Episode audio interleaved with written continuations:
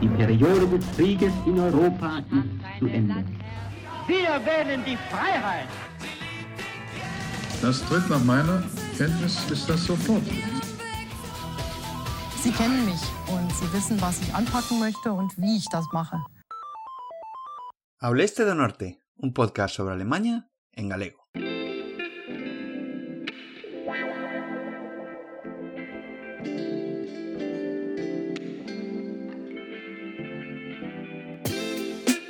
Hola a todo mundo. Pois bandez. Que non son moitos, pero aquí estamos. E o que virá. Aproveitando que temos un número redondo, pois traio desta vez un podcast que ninguén pediu, que ninguén agarda e que a priori pode dar preguiza. Como veces, non son o rei do marketing. Pero o caso é que fixen tres listas. Tres listas subxectivas que veñen cheas de experiencias e de vida. Cada unha delas con 10 puntos, que poderían ser máis. E que falan do malo, diferente e bo que un galego calquera atopa segundo pasa os anos en Alemania. Espero que vos guste.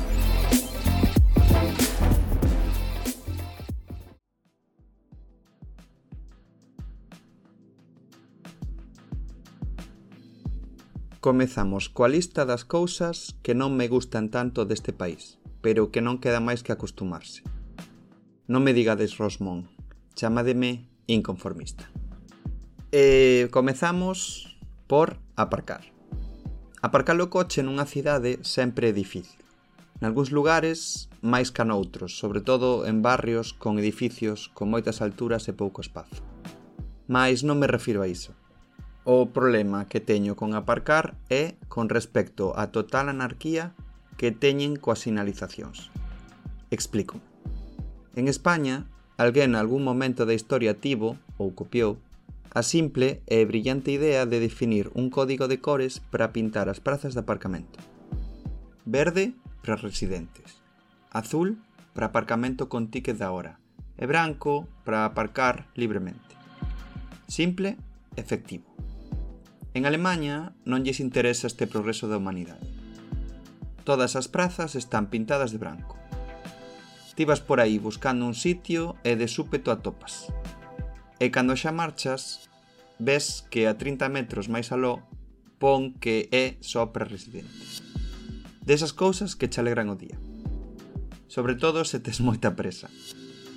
O contrario pasa que aparcas na túa zona de residentes e logo ves que esa parte da rúa é zona de hora. Ou peor, non te decatas. Todas as prazas están de branco. E se non andas con ollo mirando os sinais na rúa, pois facilmente non ves o expendedor de tickets e cando volves xa pasou alguén a poñerte outra clase de ticket bastante máis caro. Ademais disto, tampouco semella que lles guste demasiado a cor amarela para as saídas das garaxes, porque non pinta. E máis, Tampouco existen as prazas de vado permanente. Así que os veciños poñen ou quitan cartéis deles segundo lles apeteza. O resultado é que ás veces, cando hai un portón que se intúe que pode levar a un encaraxe, directamente non aparca ninguén, aínda que logo por dentro sexa un portal. O punto 2 desta lista son os baños. A expresión típica do meu avó para dicir que un lugar é moi caro sempre foi. Hai pagas por mexar. Ben, pois Alemanha é polo tanto un lugar caro. Nos anos 90 do século pasado, o país atravesou unha crise que levou a implantar medidas de aforro e unha delas foi a privatización dos baños públicos. Estacións de bus, de tren e baños públicos nas vilas son sempre de pago. E pode estar ben, porque xeralmente, aínda que non sempre, Así mantéñense algo controlados e limpos. O problema para min é que isto lévase moito máis aló.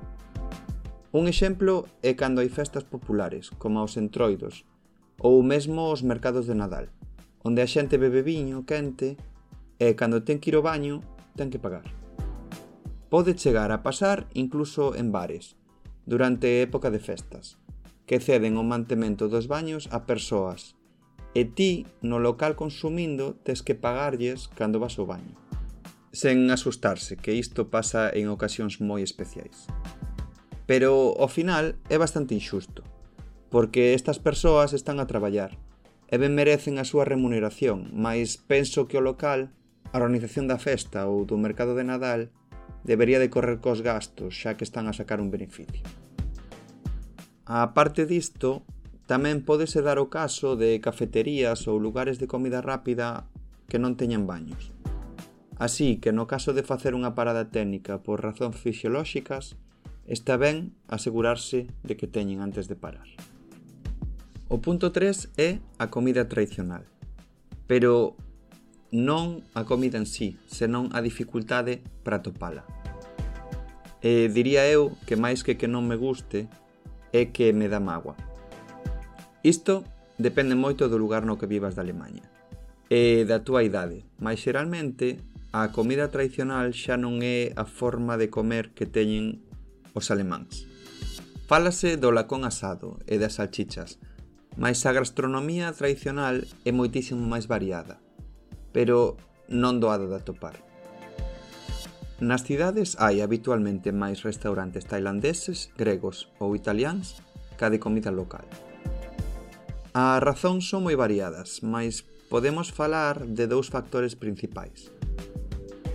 O primeiro é a importante reducción no consumo de carne que se ven producindo nos últimos anos, mesmo décadas. Por unha banda, é moi habitual atopar vegetarianos entre a xente menor de 45 anos. Hoxe en día, calculase que un 10% da poboación son vegetarianos e algo máis dun 30 flexitarianos cun moi reducido consumo de carne. E a carne é un dos elementos principais da gastronomía dun país con pouco mar. Por outra banda, está a menor importancia que se lle concede na cultura á comida. No país podes atopar festas da cervexa ou de viño, ou igual que na Galiza, mas non vas a atopar a festa do cocido, nin da salchicha, nin do lacón. Cousas como a comida do domingo non se ven como algo especial en xeral. Cando se fala de comer, priman xeralmente a comodidade fronte á elaboración dunha boa comida. Pódese dicir que hoxe en día probablemente poderíamos dicir que as comidas máis típicas son o kebab ou o currywurst. E, aínda que sexan comida rápida, segundo lugar, poden estar moi boas. Chegamos no punto 4, os apelidos, ou máis ben, o cambio de apelidos, que é unha cousa que nunca comprendín nin chegarei a comprender. A xente ten un só apelido. Ao casar, normalmente un dos membros da parella muda o apelido polo da outra persoa, tradicionalmente a muller, e aínda que hoxe en día xa se pode elixir, é, maioritariamente, aínda así. Realmente non é obrigatorio, o cambio. Mais no caso de ter fillos, todo mundo agarda que leves o mesmo apelido. Se non o cambiaches, e os teus fillos levan o apelido da túa parella, vas andar tendo que lle explicar e probando o colexo e noutros sitios a miúdo a situación. É bastante habitual que en caso de divorcio manteñan os apelidos por esta mesma razón. Existe a posibilidade de que un membro do matrimonio quede co seu apelido e engada o outro cun guión, mas vese pouco esta opción. O certo é que sen pensalo demasiado, ter dous apelidos para toda a vida é unha maravilla. Como curiosidade dicir que este cambio, en caso de matrimonio ou divorcio, é moi doado e custa entre 25 e 30 euros. E ben sei que isto pasa en moitos outros países no mundo, pero mal de moitos, Chegamos á metade da lista e falaremos de que as obras que aquí tardan séculos. Todos entendemos que as obras públicas son molestas máis necesarias. E todos entendemos tamén que as cousas precisan o seu tempo. O tema é que en Alemanha ás veces dá a impresión de que as obras nunca rematan. Falo, claro, de obras públicas. Fai anos vivía nun piso e unha mañá pecharon unha rúa ao carón para arranxala. Eu chegara facía pouco o país e tiña os ollos ben abertos para todo. A rúa estivo cortada durante máis dun mes, ata que chegaron as máquinas para levantar o asfalto.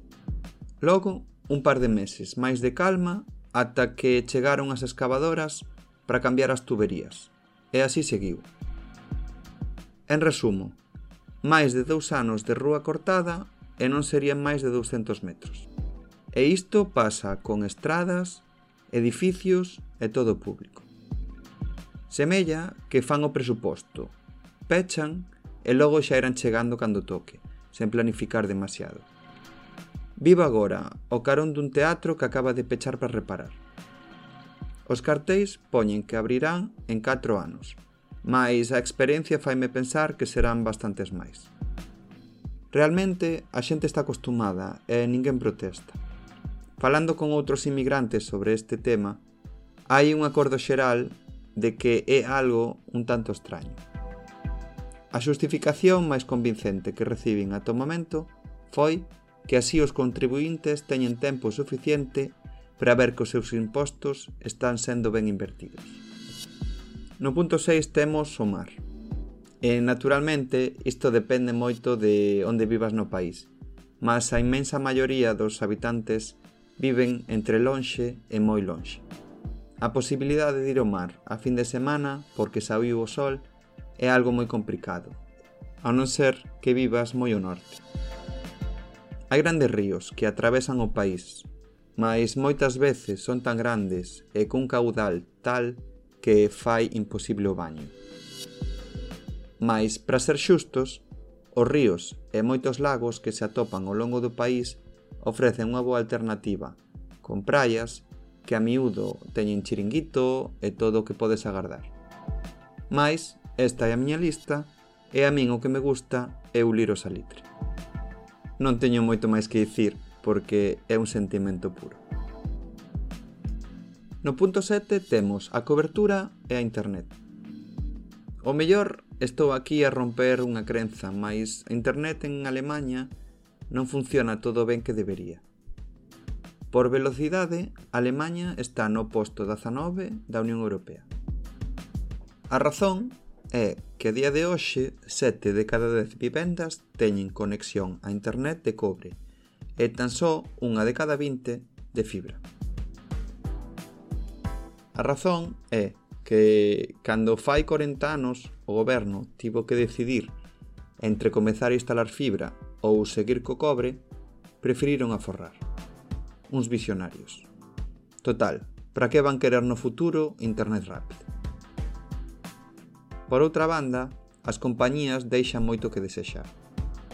Sempre buscando o truco para non darte a baixa e seguir a cobrarte e se queres poñer internet nunha casa que non ten, Deixante a espera ata que che dan unha hora para un día que pode ser en 15 días, ás veces porque alguén ten que vir conectar os cables manualmente.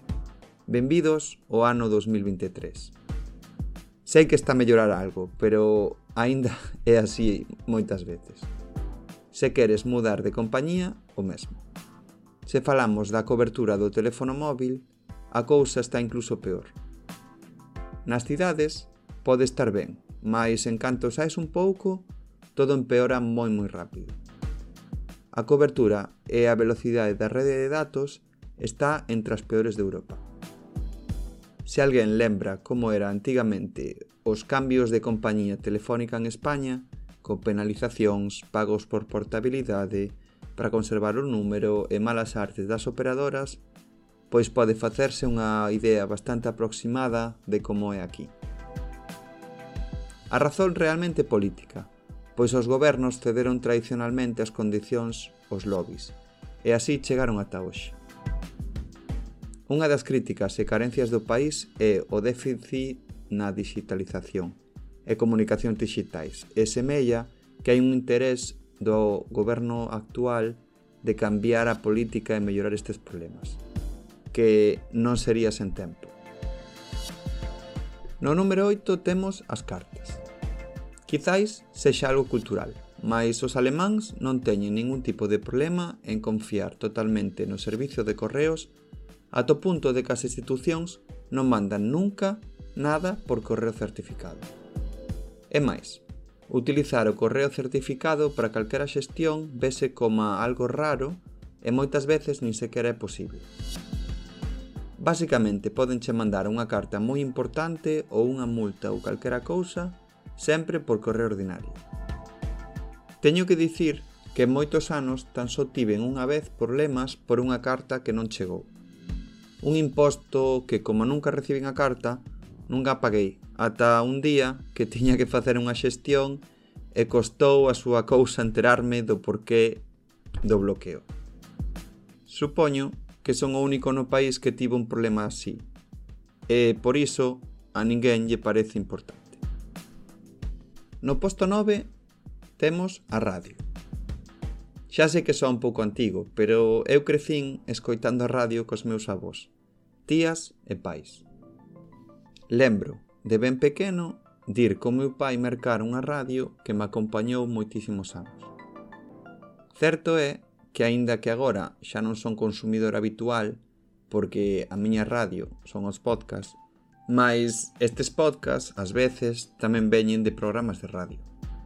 E non hai que esquecer tampouco o gusto de escoitar un partido radiado.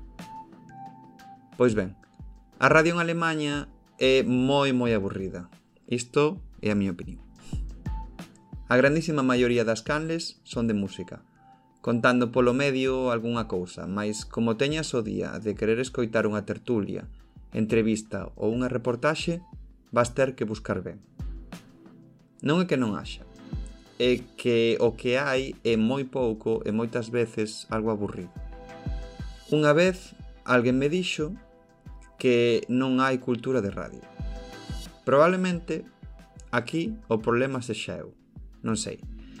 Mas despois de algúns anos xa case nunca intento poñela. E no coche vou sempre con podcast ou Spotify. E chegamos ao punto 10, que son as horas de luz. Alemanha está ao leste do norte da Galiza e comparte o seu fuso horario. Iso quere dicir que no mes de decembro en cidades como Berlín pode amanecer ás 8 e media da mañá e anoitecer ás 3 e algo da tarde. Se traballas en interiores, vas botar uns meses o ano sen ver a luz solar a gas nas fins de semana. E como chova, xa botas unha semana sen luz. É duro. No sur do país, as horas de luz son algo mellores, puidendo anoitecer ás 4 e algo, mas non arranxa demasiado. Iso sí, alo menos fai máis sol. Se nos imos ao extremo contrario, no mes de xuño amence sobre as 5 da mañá e anoitece sobre as 10. Todo ben se vives nun piso relativamente moderno, porque non fai demasiadas décadas que comezaron a poñer persianas nas fiestras. E moitos pisos non teñen máis que cortinas, que non fan demasiado contra a claridade. Todo depende do sensible que sexas co sono. E ata aquí as cousas negativas, que xa botei bilis da bondo pola boca. Graciñas por facer de terapeutas. Agora, imos con algo máis relaxado. Dez cousas que califico como neutras. Nin frío, nin calor. Gris. Un tanto mete. A primeira é auga con gas. Se ti pides un auga nun local sen especificar nada, o normal é que che traian un auga con gas. É unha cousa da que falamos entre nós a maioría da xente que chegamos a este país. Hai normal, con bastante e con moito gas. Naturalmente, sempre haberá sen gas, mas hai un gusto no país pola auga con gas. Algúns alemáns din que quita máis a sede. Eu, persoalmente, para quitar máis a sede, bebo máis auga. Mas teño que admitir que se tomas varios días algo de auga con gas, colles o gusto e logo fai graza un agua con gas de vez en cando. Cando comezas a pedila habitualmente é cando sabes que estás de verdade integrado no país. Como punto 2 temos o pan. Porque o pan en Alemanha é moi moi variado e podes atopar pan de moitísima calidade e moi moi bo. Hai panaderías por todos lados, sendo a maioría de cadeas locais, que teñen moita variedade de pan e de outros produtos. Mesmo o pan de supermercado está xeralmente bo. E se está, por que o poño como algo neutro? Pois porque o pan é diferente ao pan na Galiza.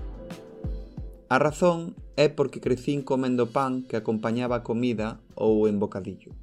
A idea do pan en Alemanha é algo diferente. Cómese normalmente sen pan excepto nos pratos moi específicos. E cando se come con pan é porque o pan é o protagonista. Pan con queixo ou embutido, untado. Culturalmente eu boto en falta o pan de acompañamento na comida. Mais recoñezo que se pode desfrutar moito da enorme variedade de tipos, formas e sabores. Falando con alemáns que coñecen España e pasaron tamén pola Galiza, destacanme habitualmente o pan galego e dixéronme que se sinte máis preto da casa ali por iso. Ata aquí a parvada da anécdota. No número 3 temos os xeados no cine. Hai unha tradición no cine en Alemanha que me resulta bastante curiosa. Antes de comezar a película, entre os trailers é normal proxectar algún anuncio publicitario. Pois un case sempre é dun xeado, e cando remata o anuncio, paran a proxección, acenden as luces e aparece unha persoa vendendo ese xeado e sempre hai varias que mercan. E xa que estamos no cine, dicir que é bastante habitual xente vendo películas, bebendo cervexa, e aquí un aviso importante que pode aforrar moitos desgustos. Os flocos de millo en Alemania son doces non son salgados. O cal eu non entendo. Pero se estades en Alemanha e mercades, tende isto en conta. Agora, como punto 4, imos falar dos domingos. O domingo é o día sagrado dos alemáns. Non poñas música na casa, non claves unha punta para un cadro, non, non, non a todo o que faga ruido. Igualiño que se fora de madrugada. Se tes que montar algo no piso que faga ruido, mellor outro día. Se faz unha mudanza, mellor outro día. Aceptar isto require dun proceso mental e de integración, mas co tempo acostumaste e non está tan mal. Segundo para que, mesmo agradeces. Pode ser costume ou que me fago algo bello. A verdade, nin o sei, nin o quero saber. No punto 5, temos bombas, que non cunda o pánico. Nos case seis anos que durou a Segunda Guerra Mundial, botáronse sobre territorio alemán máis de 2 millóns de toneladas de bombas, que destruíron moitísimas cidades, fábricas e vilas. Bombas de moitísimos tipos, e, como podedes imaginar, algunhas non explotaron. Destas, moitas foron bombas con retardo na explosión, Rematada a guerra, co país en ruínas, a prioridade primeira foi construir vivendas para dar teito á poboación. En moitos casos nin se escavaba demasiado, facendo uns fundamentos sólidos mas non profundos. E estas presas provocaron que moitas destas bombas quedaran latentes baixo as novas infraestructuras ou os edificios e casas. Un día, Estás a agardar por un tren de cercanías ou sair do traballo e cortan a liña porque atoparon unha bomba baixo a vía. Fai uns anos deixalosaron a decenas de miles de persoas dun barrio de Frankfurt ou atopar unha bomba moi grande durante as obras dun novo edificio. Nunha busca rápida, na miña cidade atopei que no ano 2022 atopáronse cinco. E eu non tiña nin idea. E así, se se buscan toda Alemania, pode que atopemos exemplos todas as semanas, e probablemente todos os días. No país existen unidades especiais para este tipo de desactivacións e desaloxos. En lugar de restos romanos, aquí atopan bombas. E por que está isto en causas neutras e non negativas? Pois porque nunca pasa nada. Pode ser que pase algo nun caso illado por década. Mais os protocolos, os procesos e os equipos teñen a situación tan controlada que, aínda que é un gran fastidio, ter que desaloxar a xente unhas horas non pasa de aí, afortunadamente. É simplemente algo co que se convive. Ben, pois isto é unha curiosidade, pero o punto 6 vai sobre a sauna. É algo importante de saber se vides de vacacións o país, a este e a outros moitos países do norte. Así que se estades ali, non vos leve de sorpresa, mas case con toda a probabilidade a sauna será mixta e nudista. A xente leva unha pequena toalla para non tocar a pel coa madeira ou sentar máis nada máis. Por esta razón, os vestiarios nos spa que teñen sauna tamén son mixtos xa que non vas ver nada que non vayas ver logo na sauna. E falando disto, o pudor co corpo vai por lugares e por idades. Nas antigas zonas da República Democrática, o goberno comunista apoiaba o naturismo e a poboación en xeral ten menos problemas que na República Federal para expirse en público. Do mesmo xeito, as xeracións que viviron a súa xuventude nos 70 ou 80 semellan ser moito máis abertas ao naturismo e as máis novas máis reacias. Pois ben, chegamos ao 7, que é o idioma. Os alemáns falan alemán, coas súas variedades locais máis alemán. Disto falaremos no futuro. Podes comunicarte en inglés ou mesmo en francés, pois sempre atoparás alguén que comprenda e, sobre todo, a xente nova. Mais incluso na que xa non é tan nova, que pode ter un nivel máis que aceptable. Mais ao final hai que aprender a lingua, se queres ter unha vida o máis normal posible. E si, sí, certo, non é un idioma sinxelo de entrada. Ten vantaxes como a que cunhas poucas reglas podes ler, mas non é doado comezar e exixe un gran esforzo.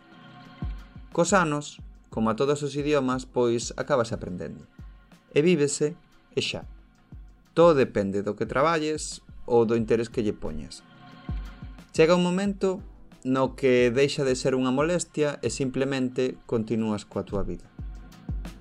Se alguén escoita isto durante o proceso de aprendizaxe, pode que o vexa imposible, Mas estou seguro que algún día lembrará estas palabras e estará de acordo comigo. Chegamos agora ao punto 8 desta lista de neutralidades neutras e falaremos dos Sitzpinkler. Este palabro significa literalmente o que senta para mexer. E, por razón obvias, aplícase aos homes, porque as mulleres xa están no grupo dende sempre. Que estás fora da casa nunha cafetería? Pois de pé, normalmente. Que estás nun bar? Pois tamén de pé. Mais na túa casa ou na dos teus amigos, sentas para facer pis. Ao principio faise raro, mais co tempo acostúmaste e mesmo colles o gusto. E contan que mesmo é bo para a próstata. Ás veces a xente nas casas pon pegatinas e mesmo algúns contratos de aluguer poden ter un apartado no que estipulan a obligación. Que logo ti xa farás o que che pete, que é a tua casa. Pero aí está. No punto 9 temos que todo mundo sabe nadar, porque nadar é unha competencia obrigatoria que se aprende na escola. Dende o terceiro curso, o programa obriga a lo menos a 30 minutos de natación por semana escolar. Hai 4 niveis, definidos como Wassergewohnung, habitación auga, Grundfertigkeiten, habilidades básicas, Basisstufe Schwimmen, natación nivel básico e Sisha Swimming, natación segura. Entre o nivel 2 e 3 está o Subversion, cabaliño de mar. E o nivel 4 equivale a bronce, habendo dous niveis superiores que os alumnos poden intentar alcanzar.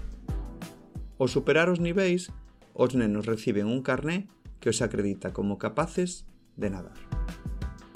E rematamos por hoxe esta lista de curiosidades co punto número 10, mobilidade interna no país.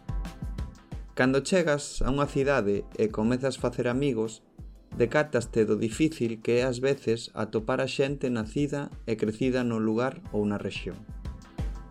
A mobilidade da xente para empregos cualificados é enorme. E, en xeral, non hai un gran arraigo que faga que a xente, despois de estudar lonxe da casa, volva.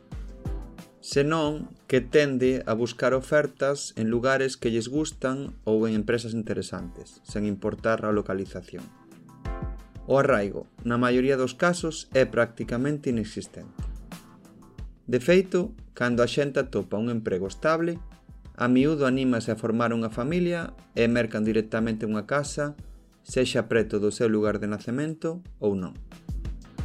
E non estamos a falar tan só de grandes cidades, pois o tecido empresarial é tan tupido que esta emigración interna repártese entre moitísimas cidades ao longo do país.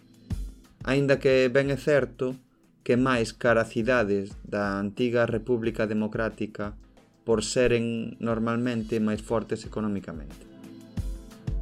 Mais ninguén queda nun país a vivir porque haxa cousas só negativas e só neutras. Tamén ten que atopar algo de bo. Non vou falar aquí do traballo, porque iso xa sabe todo o mundo. Mais imos ir cos 10 puntos que fan a vida máis agradable. O primeiro é a descentralización do país. Nuremberg, Düsseldorf, Dresden, Stuttgart. Alemanha, cos seus 84 millóns de habitantes, non ten unha metrópoli do tamaño de Londres e as súas grandes cidades móvense entre o medio e os 3 millóns de habitantes. Berlín é a capital.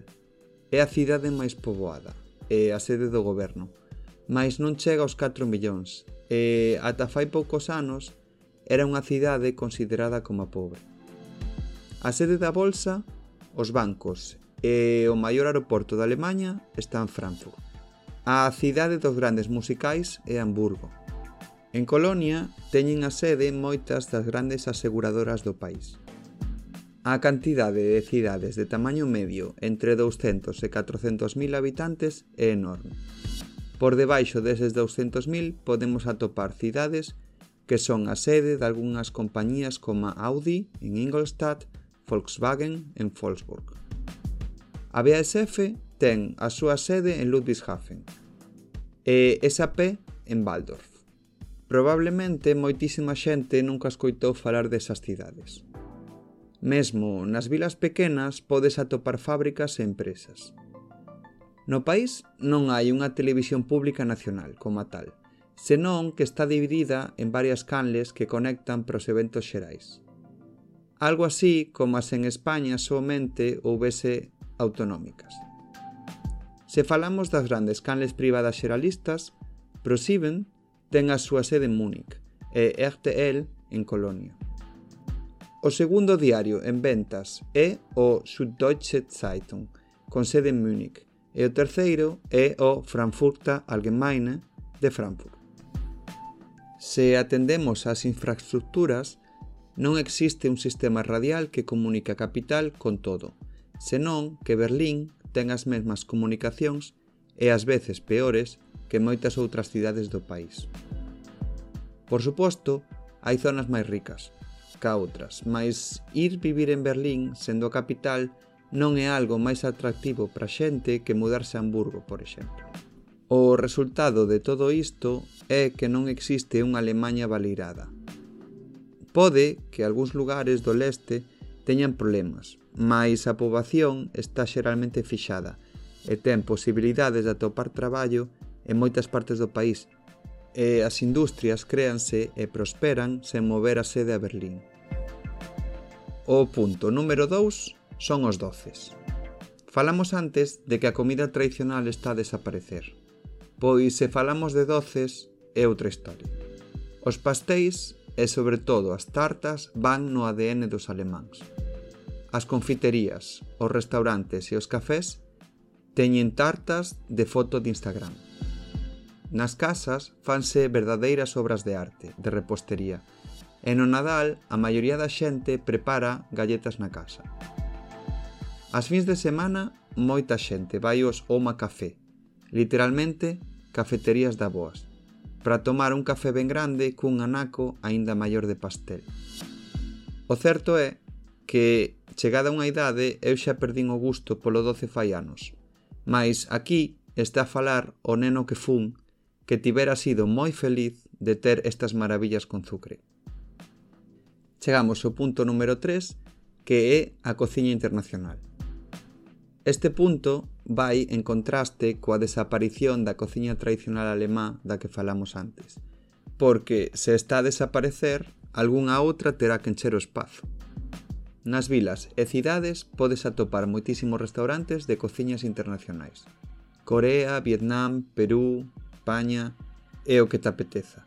Grego, italián, tailandés, Non fai falla vivir nunha cidade xigantesca, senón que en calqueira cidade de tamaño medio ou pequeno, a variedade é enorme. Sobre todas, destacan dúas pola gran inmigración ao país do século pasado, a comida turca e a italiana. Falemos da italiana.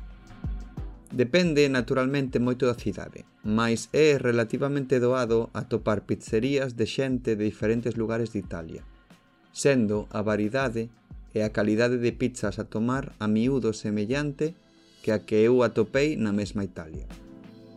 Mas se de verdade hai algo que para min destaca son os xeados italianos.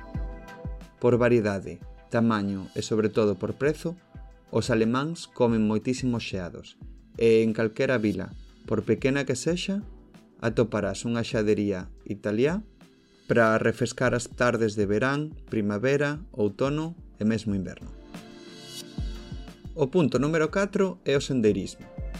En Alemania tamén podes percorrer o Camiño de Santiago, mas non é nin de lonxe a única opción. Por todo o país podense atopar rutas de sendeirismo. As posibilidades son moi grandes. Nas máis populares atoparemos restaurantes no medio do bosque onde confluen rutas, rede de albergues por todo o país para dormir e sempre todo moi ben sinalizado. Véndense guías e mapas nas librerías para as diferentes rexións do país que facilitan moito a experiencia. A rede de camiños mantidos e ben sinalizados no país supera os 300.000 km. E paro aquí porque probablemente falaremos moito máis de sendeirismo no futuro, destacanle. E unha das cousas que facilita o sendeirismo é o punto número 5, o transporte público é posible chegar a moitísimas vilas en tren. A rede de transporte público en Alemanha é moi tupida.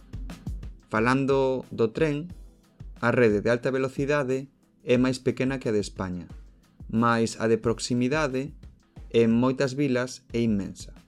Aínda que está a reducirse, actualmente hai 38.400 km. E a de España, que ben é certo que ten a mitad de habitantes, é de 15.000. Os abonos mensuais de cercanías son válidos para todo o transporte público, agás dos de longa distancia. É dicir, mercas o abono mensual para unha rexión e podes montar en buses, metro, tranvía e todo o transporte público. Mesmo os billetes de tren de longa distancia levan incluído o transporte público dende ou ata a túa casa dende a estación. Por dicir algo negativo, considero que os prezos son elevados demais, pero aquí estamos a falar de cousas boas. E hai voces que anuncian a chegada dun bono mensual barato no futuro máis inmediato, pero parece que nunca acaba de chegar. O punto 6 é a integración da inmigración. Alemanha leva moitas décadas recibindo inmigrantes. Españois, italiáns, ao principio. Logo turcos. Fai uns anos sirios, mais tamén moitos asiáticos, africanos e de todas as partes do mundo. O mercado laboral permite e precisa a chegada de xente e na maioría das cidades vese unha gran variedade de inmigrantes de todo o mundo. Por suposto que non todo é perfecto, e por suposto que se poden atopar barrios con poboación dunha nacionalidade maiormente, mas non hai guetos, o estilo dos que se poden atopar en Francia. Existe racismo e xenofobia, sí, como en todos os países, mas a inmensa maioría da poboación é bastante aberta, a chegada da xente e móstranse amables. O punto número 7 desta lista é a natureza nas cidades. Sendo o país moito máis pequeno que España e tendo o dobre de poboación, a cantidade de vilas e cidades é enorme e, sen embargo, de alguna maneira, conséguese a sensación de proximidade á natureza. En todas as cidades pequenas ou xigantes nas que eu vivín ata agora, tiña accesible un bosque para ir pasear, ás veces no límite da cidade e outras mesmo dentro. A cantidade de parques e zonas verdes en moitas poboacións é máis que salientable, e non é raro ver coellos e esquíos vivindo neses parques. O punto 8 son as bicicletas. As miñas queridas bicicletas. Dentro dunha cidade, o mellor método de transporte para distancias curtas e medias é sen dúbida a bicicleta. A infraestructura está totalmente preparada e ben diseñada. Indo coa bici, decataste de que todo está ben adaptado e sinalizado, e mesmo cando hai obras, márcanse os desvíos para as bicicletas. A xente usa as bicicletas todo o ano, faga calor ou chova. Os conductores son xeralmente moi respetuosos, máis que nada porque todo o mundo vive ou viviu boa parte da súa vida en riba dunha bicicleta. Os nenos aprenden dende moi pequenos a andar en bicicleta e xa estando no parvulario teñen visitas da Policía de Tráfico que organiza actividades e circuitos para practicar as normas e darlles unha licencia que os máis pequenos reciben con moita ilusión. Se saímos das cidades, a rede de estradas para bicicletas é inmensa e pódese chegar a calquera vila ou lugar. O cicloturismo faise moi doado, nas moitísimas rutas ciclistas nas que se poden atopar mesmo cafeterías e en moitas vilas vense cartéis de aluguer de habitacións para ciclistas. No punto 9 temos a política, a vida política do país. En Alemanha podense atopar moitos partidos políticos que cubren todo o espectro, dende a extrema esquerda ata a extrema dereita. Sen embargo, o respeto impera no debate político. Non hai berros, nin insultos, nin ataques persoais. O que sí que hai é dimisións. Os políticos non buscan titulares nos discursos. O partido de extrema dereita o AFD, foi sempre illado por todos os outros partidos e nunca pactou ningún partido en coalición con eles. O que se acostuma chamar cordón sanitario. Aquí cumpliuse. A prensa, pola súa banda, nunca lles deu demasiada difusión ao seu discurso. E logo duns anos, a FD está en clara decadencia electoral. Este clima político permite coalicións de goberno de partidos de esquerda con partidos de dereita tampouco se observa na rúa un fanatismo por un partido. Antes de cada elección, habilitase unha páxina en internet chamada Balomat, que é unha lista de preguntas que ao final dan como resultado unha porcentaxe de achegamento a cada partido. Nas eleccións do ano 2021, por exemplo, foi utilizada máis de 21 millóns de veces. E chegamos ao final desta lista co punto número 10, que é que a xente é moi amable cando escoita falar en castelán. A imensa maioría dos alemáns encántalles España. Para eles evoca vacacións, cultura e moitísimos bons sentimentos. Profesionalmente, a xente chegada de España está moi ben valorada e a miúdo pasa que se escoita falar castelán, sorrín e moita xente mesmo comeza directamente a falar contigo, en alemán, e ás veces incluso en castelán.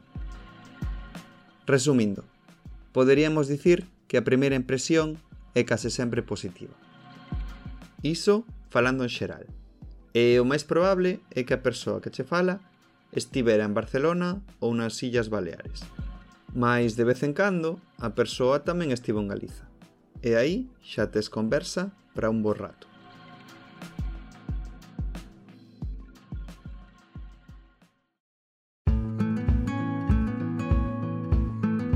E ata aquí o programa de hoxe.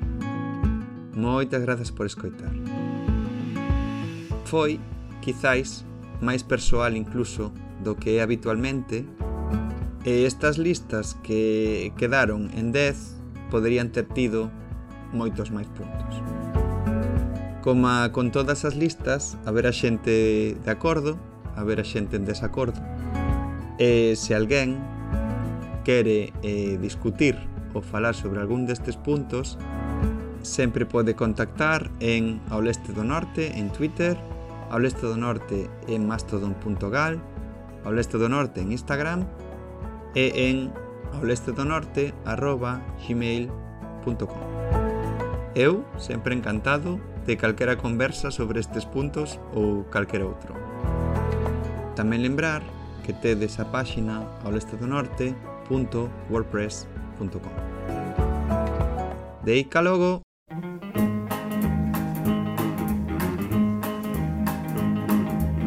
Pilu, Pilu, Pilu, dieser Name macht mich froh. Was für ein schöner Klang. Was für ein schöner Klang.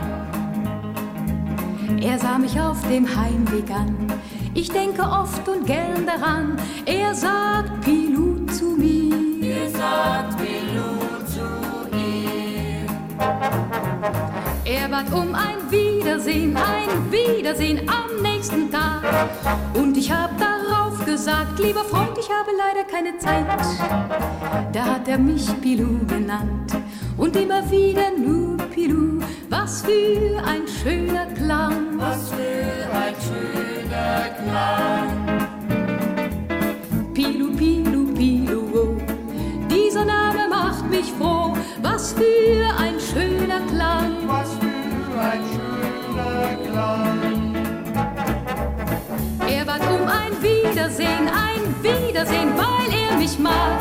Da hab ich endlich zugestimmt und war sehr glücklich über diesen Tag. Er hat mich nur Pilu genannt und immer wieder nur Pilu. Was für ein schöner Klang. Was für ein schöner Klang. Dieser Name macht mich froh. Er hat die Liebe mir geschenkt. Hat die Liebe dir geschenkt. Er bat mich um meine Hand, um meine Hand, weil er mich liebt. Und ich habe ja gesagt, denn ich war auch so sehr in ihn verliebt. Und als ich vor der Kirche stand, hat er mich seine Frau genannt. Was für ein schöner Klang was für ein schöner Glas.